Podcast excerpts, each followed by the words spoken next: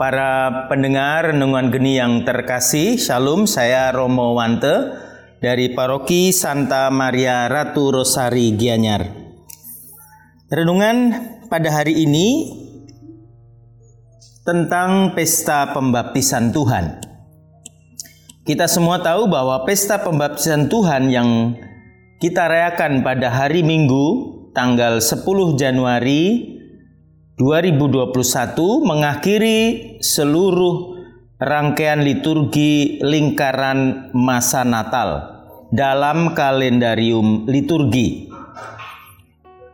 Pembaptisan Yesus Kristus oleh Yohanes Pembaptis di Sungai Yordan adalah permulaan tugas Yesus melayani orang lain sebagai utusan Bapa ia akan membawa warta, tetapi ia akan melaksanakan dahulu apa yang akan diwartakannya, dan semua orang diajak untuk mendengarkan Dia. Saudara-saudari terkasih, ada tiga hal yang ingin saya sampaikan dalam permenungan kita pada pesta pembaptisan Tuhan Yesus. Yang pertama adalah panggilan kita untuk mencari Allah melalui pertobatan. Mencari Allah berarti menghadap Tuhan, melakukan kehendak Tuhan sesuai dengan firman-Nya Mencari Allah berarti membiarkan diri dipengaruhi oleh firman Allah.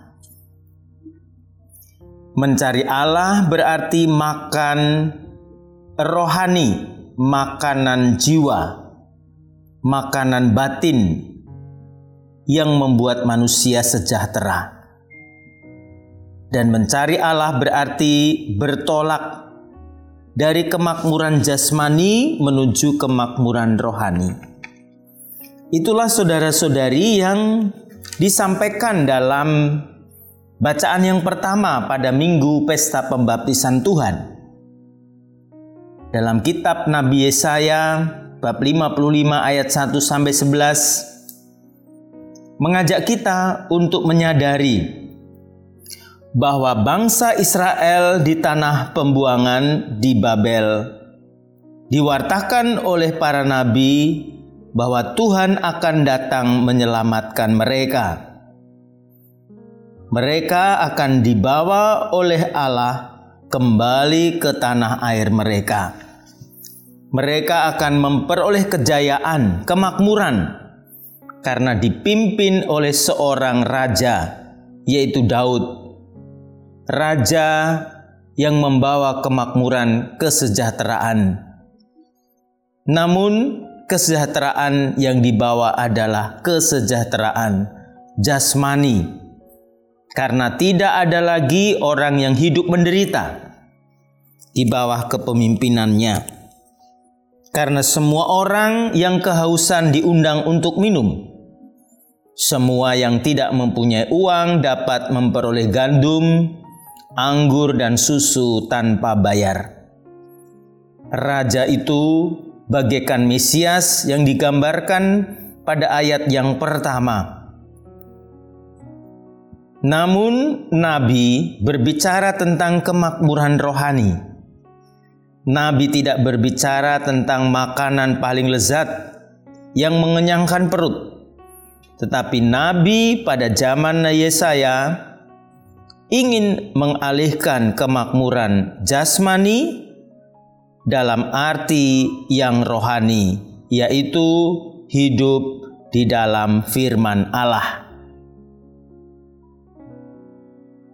Mendengarkan firman Allah berarti orang mendengarkan, memasang telinga, mematuhi perhatian kepada yang didengarkan untuk memahaminya.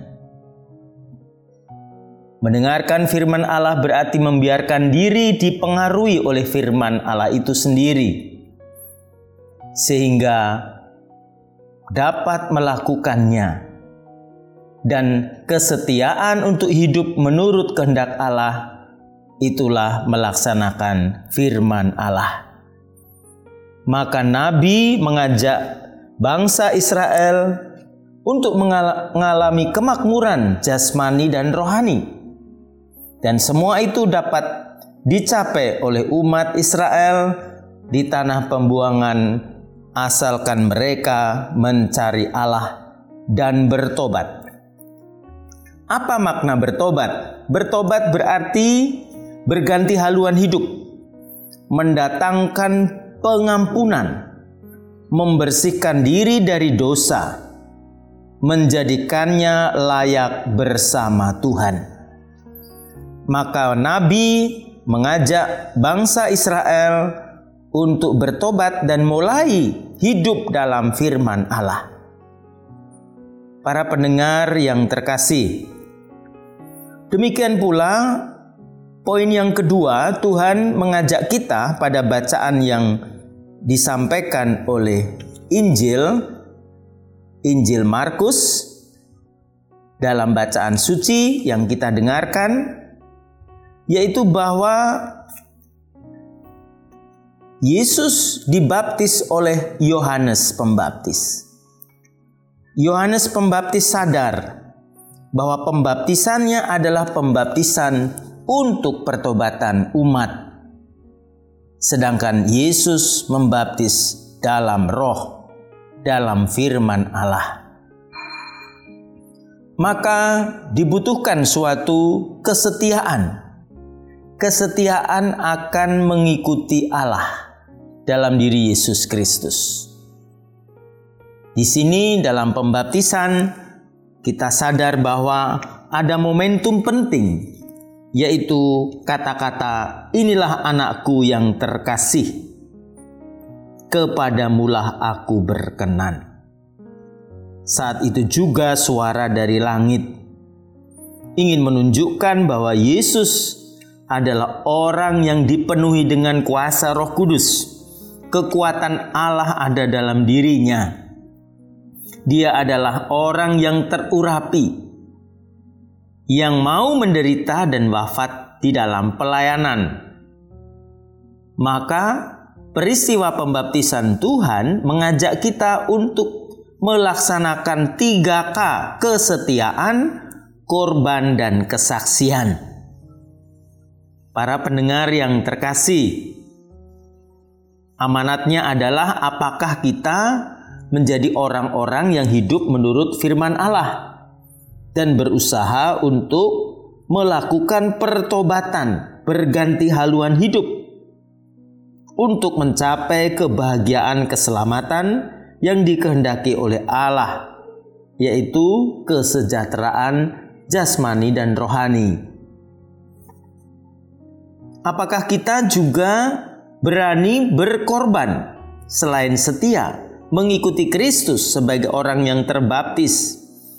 Berkorban berarti mampu untuk tetap setia kepada iman kita seperti dalam bacaan yang kedua dari surat pertama Yohanes yang ingin meneguhkan umatnya supaya tetap setia meskipun dilanda kebimbangan.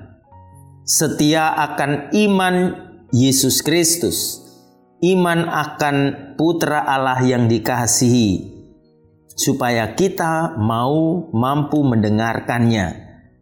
Iman itulah yang memberi arti setiap bentuk kehidupan maka diperlukan pengorbanan. Pengorbanan sebagai korban yang mengikuti Yesus yang menderita wafat dalam pelayanan. Dan yang ketiga adalah sebagai orang-orang yang terbaptis, kita harus memberikan kesaksian. Saudara-saudari pendengar yang terkasih, tahun ini 2021 Keuskupan Denpasar mencanangkan fokus pastoral gereja bersaksi. Apakah kita sebagai orang Katolik mampu memberi kesaksian, tidak bimbang, tidak diombang-ambingkan oleh kekuasaan kegelapan, tetapi kita berpegang pada kekuatan Allah, hidup dalam roh yang dipimpin oleh roh, hidup dibimbing oleh firman Allah sehingga kita mampu mendengarkan Allah dalam diri Yesus Kristus, berani memberikan kesaksian hidup.